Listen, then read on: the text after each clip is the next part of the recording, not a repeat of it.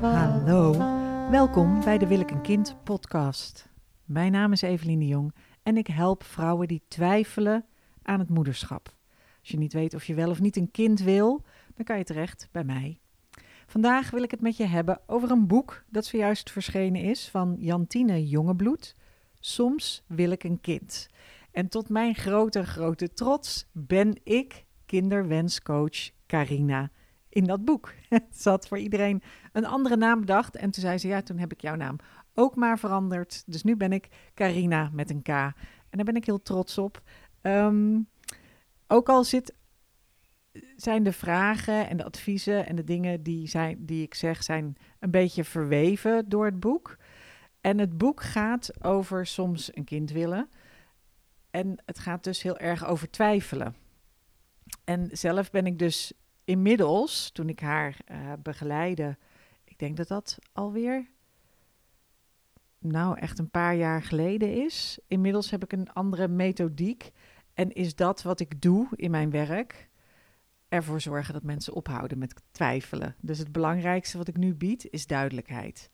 En um, dat doe ik op een manier uh, die dus in dat boek nu helemaal niet uh, tot uiting komt. Maar ik denk toch dat wat ik deed goed paste bij Jantine op dat moment. Omdat zij over dat twijfelen een heel boek heeft geschreven. En omdat dat twijfelen. Uh, ze is geen filosoof van huis uit. Ik weet eigenlijk niet wat ze van huis uit is. Ik heb het boek hier liggen. Um, ze is journalist. Maar zit daar een studie aan, gaat daar een studie aan vooraf freelance journalist voor de Volkskrant. Ze had een heel indrukwekkend artikel. Wie zette mijn naaktfoto's online in de Volkskrant magazine? En uh, nu heeft ze dus net het boek Soms wil ik een kind geschreven. Dat is haar literaire debuut. En ik heb het in twee nachten uitgelezen. En uh, ik was ook afgelopen vrijdag op de, uh, hoe noem je dat? Boekpresentatie. De boekborrel in de boekenwinkel, de Java Boekhandel in de Javastraat in Amsterdam. En dat was uh, heel leuk om te zien. Ook dat, wat me ook opvalt, als je bezig bent met die kinderwens, dan gooit het leven je plat met allemaal kinderwensgerelateerde toevalligheden. En ergens in het boek zit ook het verhaal dat ze uh, op een gegeven moment haar telefoon doorscrollt en kijkt van, goh, alle mannen met wie ik ooit gedate heb, hoe staan die nu in het leven en hebben zij kinderen gekregen? Nou, net zoals dat is iets wat wij allemaal doen. Daar hoef je niet voor te twijfelen aan je kinderwens. Dus je exen is even hè, door de Facebook halen en kijken wat er naar boven komt. En over sommige uh, zul je iets vinden en over andere misschien niets. Maar tot Jantines stomme verbazing uh, haalde ze mijn huisgenoot Egbert door, die zocht ze op op de WhatsApp en zijn wat WhatsApp profielfoto toen der tijd was een foto van mij en mijn huisgenoot en hem, terwijl we uh, gingen winterzwemmen. Dus uh, gek genoeg zag ze een ex van haar ineens met haar kinderwenscoach. En toen bleek ook nog, ze heeft een imaginaire dochter in het boek. Uh, dus ze twijfelt aan wel of niet een kind. En in gedachten heeft een dochter die Coco heeft. Hoe ze op die naam komt, eh, vertelt ze ook nog. En Egbert, mijn huisgenoot, die kun je eerder gehoord hebben in een andere podcast. En heeft ook een dochter Coco. Dus bijna was Amsterdam zo klein geweest dat ik ook nog met Egbert en een andere Coco op deze boekpresentatie was geweest. En ze vertelde ook, uh, ze had nog een andere redacteur die net een kind geadopteerd had en waarvan ik dacht, hey, daar ken ik dan ook weer uh, iemand die daar weer bij betrokken is. Enfin, het, het, het greep allemaal in elkaar. En um, het is een heel interessant boek om te lezen. Soms wil ik een kind. Omdat het body geeft aan de twijfel. Dat is eigenlijk exact wat het is. Het is een, een, een, een lichaam, een concreet. Het is de, de twijfel concreet gemaakt vind het, ik vind het geluid zo lekker. Van zo'n boek dat zo'n knisperend geluidje maakt. Het is dus een. een um, ik weet niet of. Het, het, ik vind het, het. Ze zegt dus een, een literair werk. Het is niet een roman. Het is ook Het is eh, ook niet non-fictie. Het is. ehm, ehm, een boek, nou laat ik zeggen zoals Anja Meulbelt, eh, Meulenbelt zegt, zoals Anja Meulenbelt zegt. Geen beslissing zo onherroepelijk als die beslissing om, kind, om een kind te krijgen. En dit is een sensibel en prachtig geschreven boek over een menselijk dilemma. En ze begint ieder hoofdstuk met hoeveel ijsprongen ze nog heeft. En natuurlijk wat vrouwen meteen aan mij vragen, zeker als ze zelf besloten hebben om geen kind te krijgen, is hoe loopt het af? Krijgt ze nou wel of niet een kind? Uh, nou, daar ga ik niet. Uh, um, ik hoef geen spoiler alert uh, in te zetten, want ik ga, ik ga het niet voor je spoilen. Als je het wil weten, dan zoek je het maar op. Of dan lees je het boek zelf. Er zijn een paar dingen die ik hier wel over. Um, kleine stukjes die ik wil voorlezen. Om jullie een beetje warm te maken. Allereerst is dat iets wat ik heel mooi vind. Um, over waar ik zelf wel eens de, vergelijking die ik wel eens gebruik is dat als je weet dat er veiligheidsgordels in je auto zitten, dan is iedere keer als je in de auto stapt en je besluit om je veiligheidsgordel niet aan te doen, dat, dat wordt een dingetje, omdat je weet dat ze er hangen en dat je ze wel behoort aan te doen. Maar als je het gewoon vergeet, dan is er niks aan de hand. Alleen je kunt het niet vergeten, want als je eenmaal weet dat hij er zit, dan moet je dus bewust beslissen of dat je hem wel of niet gebruikt. En als vrouw kun je, kom je, kun je heel lang die kinderwens, dat vraagstuk, kan helemaal niet, hoeft helemaal niet te spelen in je leven. Hè, misschien heb je er, vroeger als kind wel heel overtuigd moedertje gespeeld. Misschien ook wel helemaal niet. Misschien uh, uh, hebben mensen het wel of niet over gehad. Of is het wel eens aan je gevraagd. Maar je kunt heel lang dit helemaal, dit hele vraagstuk negeren. En denken, oh, ooit komt dat nog wel. En van de een op de andere dag, dan kan het zo zijn. Uh, ik heb zelf wel eens geschreven, letterlijk, dat de kinderwens gewoon ineens aanbelt. Dat je de deur open doet en dat je denkt, motherfucker, nou zit hij binnen op de bank. En hoe krijg ik hem nu weer weg? En dat dat dus helemaal niet meer lukt. Als je er eenmaal zit, dan weet je, dit is een optie, een vraagstuk. En ik moet hier uiteindelijk een antwoord op geven. Ook als ik besluit, daar had ik het op die boekborrel met een dame over. Ook als je besluit om te leven zonder kind, dan is dat nog een bewuste beslissing. En eigenlijk is het iets wat je dus helemaal niet. Stel dat je dat zou willen, dat je zou willen leven zonder kind, dan wil je je helemaal niet op die manier definiëren, want dan ben je gewoon een vrouw die leeft. Maar dan voelt het dus alsof je toch aan de haren dit, dit aspect erbij gesleept krijgt. Weten dat de optie erop zit, dat je moeder kunt worden, betekent dat je een beslissing moet nemen over: ga ik er wel of niet iets mee doen met die baarmoeder? Dat is waar Gloria Steinem over zei. Het feit dat je een baarmoeder hebt, wil nog niet zeggen dat je hem ook moet gebruiken, net zo min als dat het hebben van stembanden betekent dat je operazanger uh, moet worden. En Jantien zegt: Als vrouw kun je de moeders niet negeren.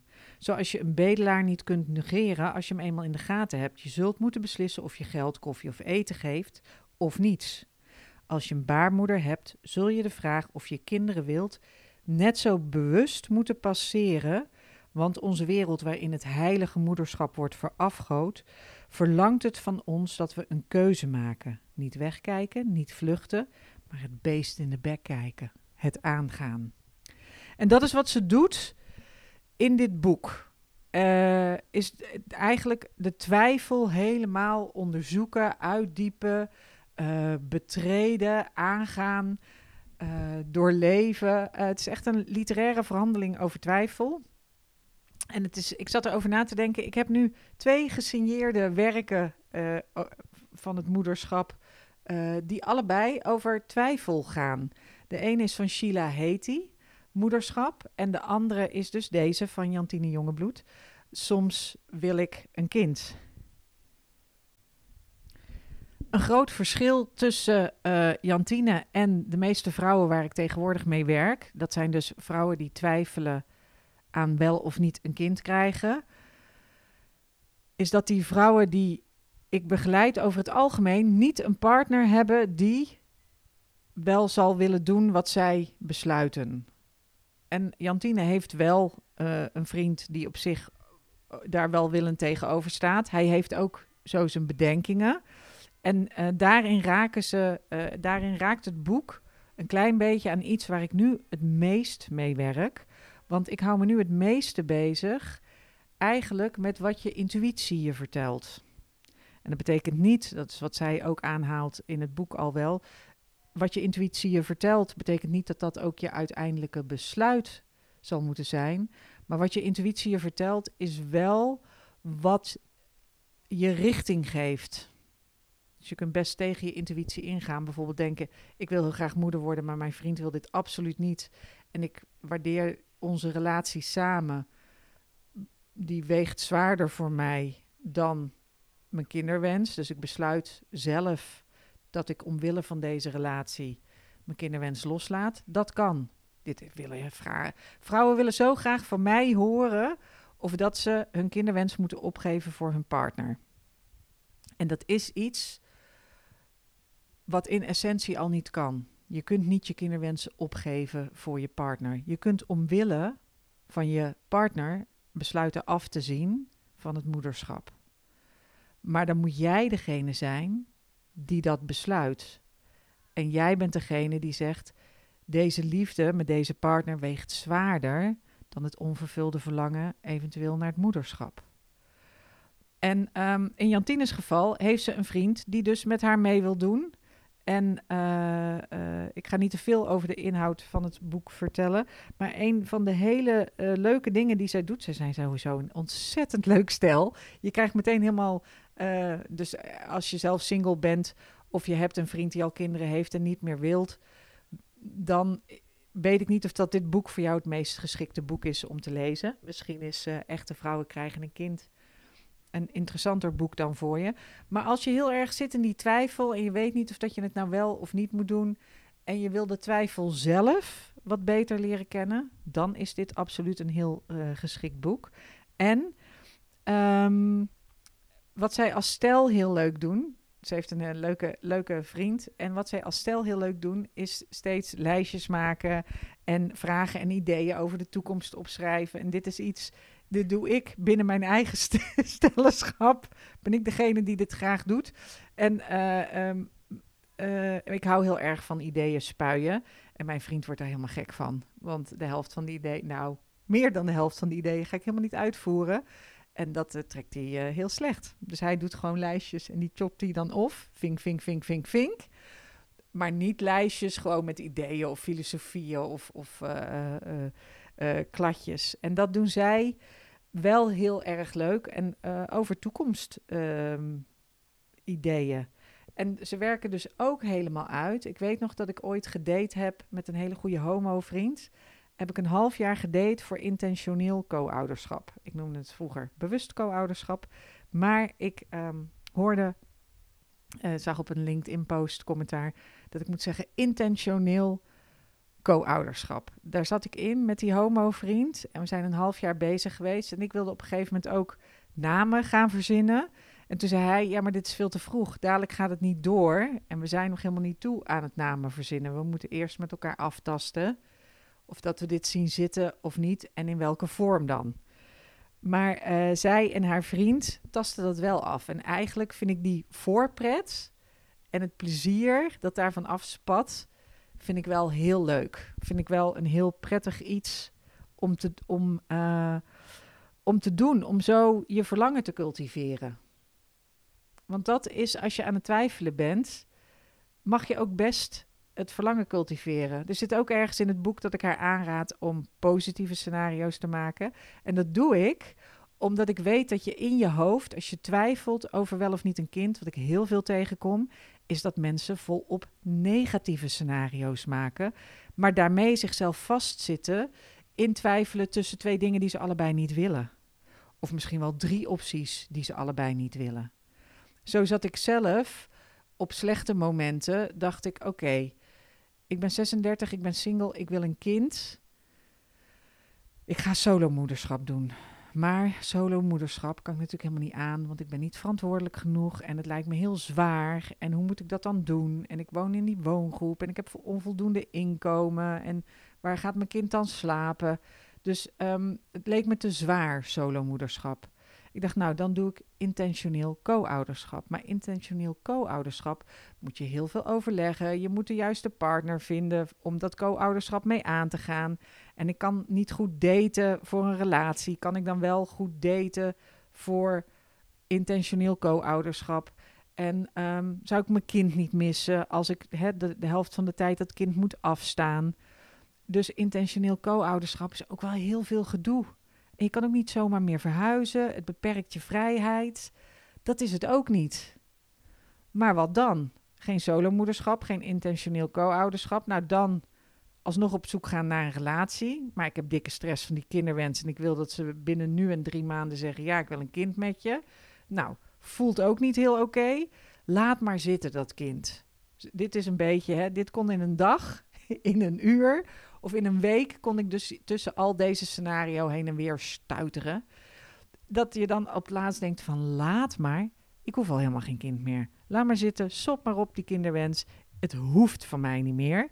Maar daar, van alle opties werd ik heel verdrietig. En ik weet niet, als je dit herkent, dan is dus mijn advies om in de plaats van negatieve verhalen in je hoofd, in ieder geval de positieve verhalen eens uit te schrijven. Omdat je daarmee uh, kunt kijken, wat zou ik wel willen? Want anders zit je met allemaal varianten van dingen die je niet wil.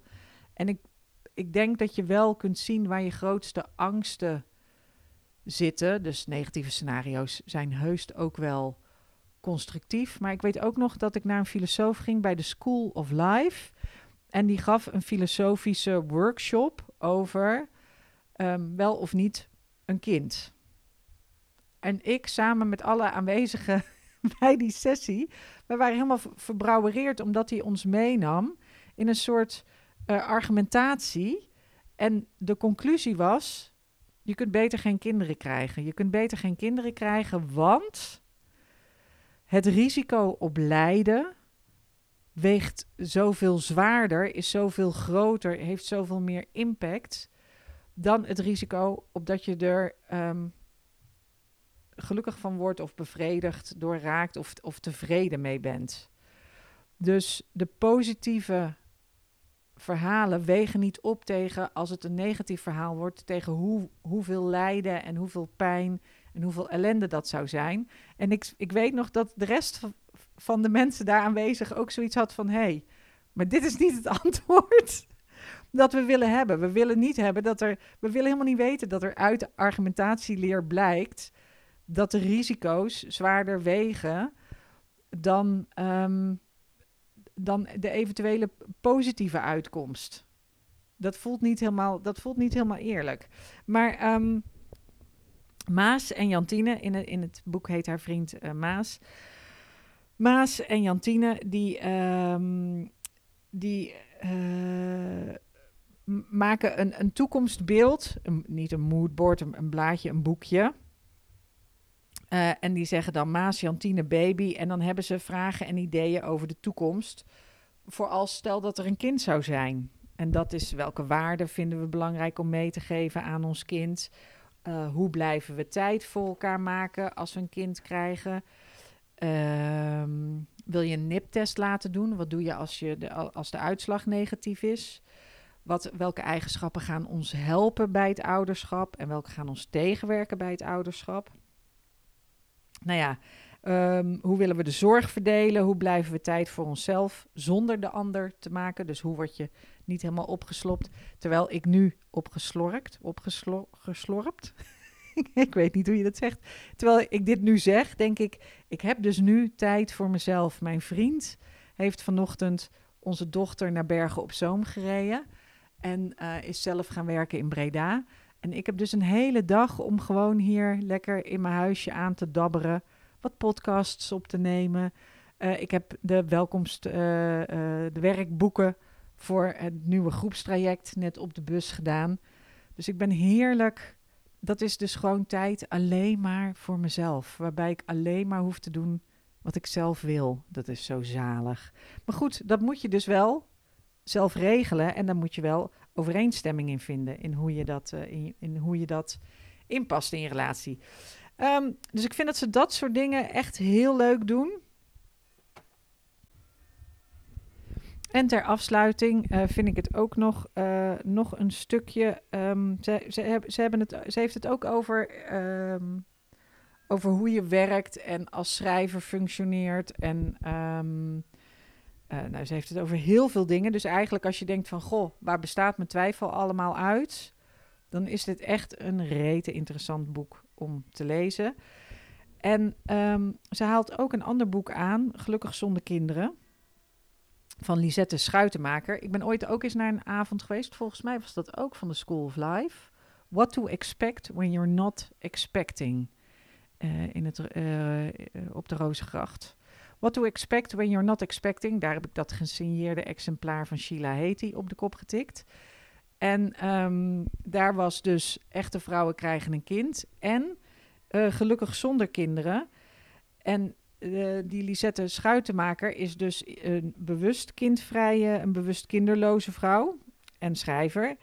En zij legt ook uit dat het tanteschap of het oomschap, of dus het, het dat je geen kinderen van jezelf krijgt, biologische kinderen van jezelf krijgt, wil niet zeggen dat je geen zorgende rol of geen ouderrol uh, kunt innemen in het leven. Integendeel zou ik willen zeggen. Mijn zus heeft zojuist mijn, uh, mijn leven gered, of in ieder geval dat van uh, Vesper, van mijn dochter, door de hele spreekbeurt met haar te oefenen. En uh, bij de vorige spreekbeurt was mijn dochter helemaal dichtgeklapt bij de boekbespreking. Dus nu kwam die spreekbeurt eraan en was ze mega gestrest. En ik ben daar helemaal niet een goede moeder in. Ik krijg zelf stress.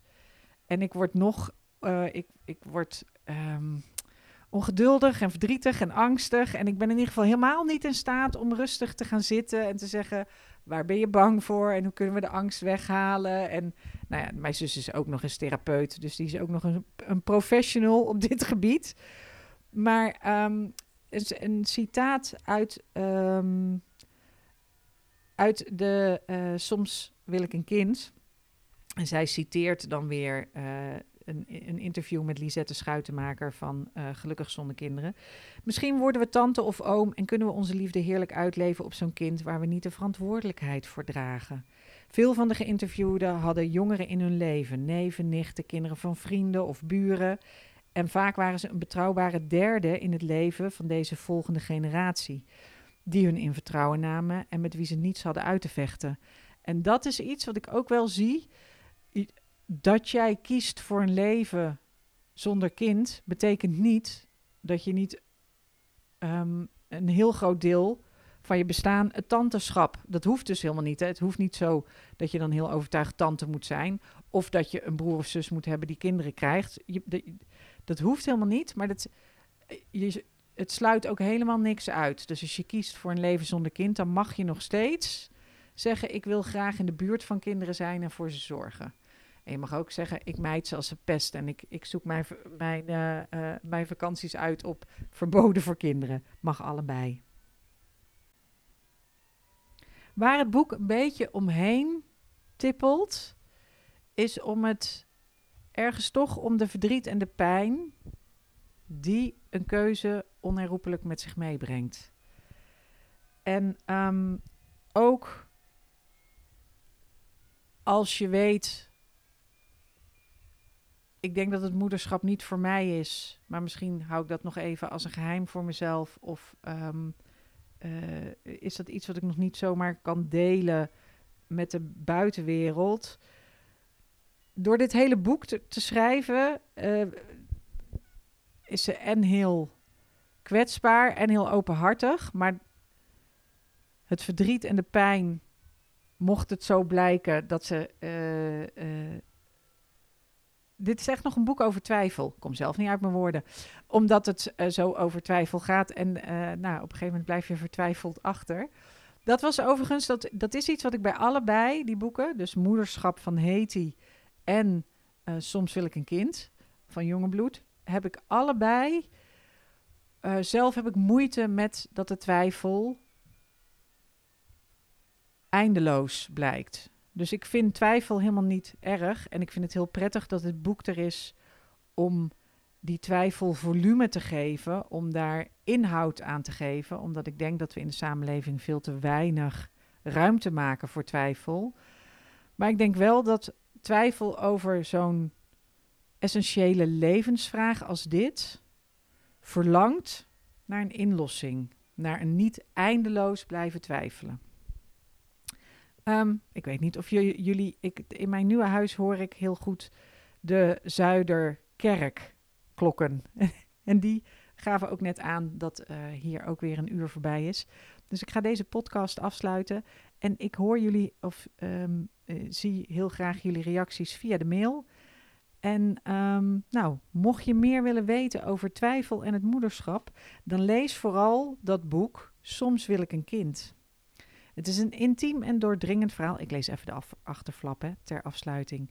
Intiem en doordringend verhaal over vruchtbaarheid, ouderschap, seksualiteit, lichamelijkheid, zingeving en verbinding. Jonge bloed onderzoekt het conflict tussen verlangen naar vrijheid en onafhankelijkheid aan de ene kant en naar intimiteit en nabijheid, die daar ogenschijnlijk recht tegenover. Het resultaat is een ontroerende en herkenbare zoektocht naar een leven dat klopt. En ehm, nou, mocht je ook in twijfel verkeren en zeggen: Ik heb mijn twijfel, die is helemaal compleet, ik heb behoefte aan duidelijkheid, dan geef je op voor de Willekenkind nieuwsbrief. Die je op willekenkind.nl schuine gratis kun je jezelf daarvoor opgeven. En heel graag tot de volgende podcast.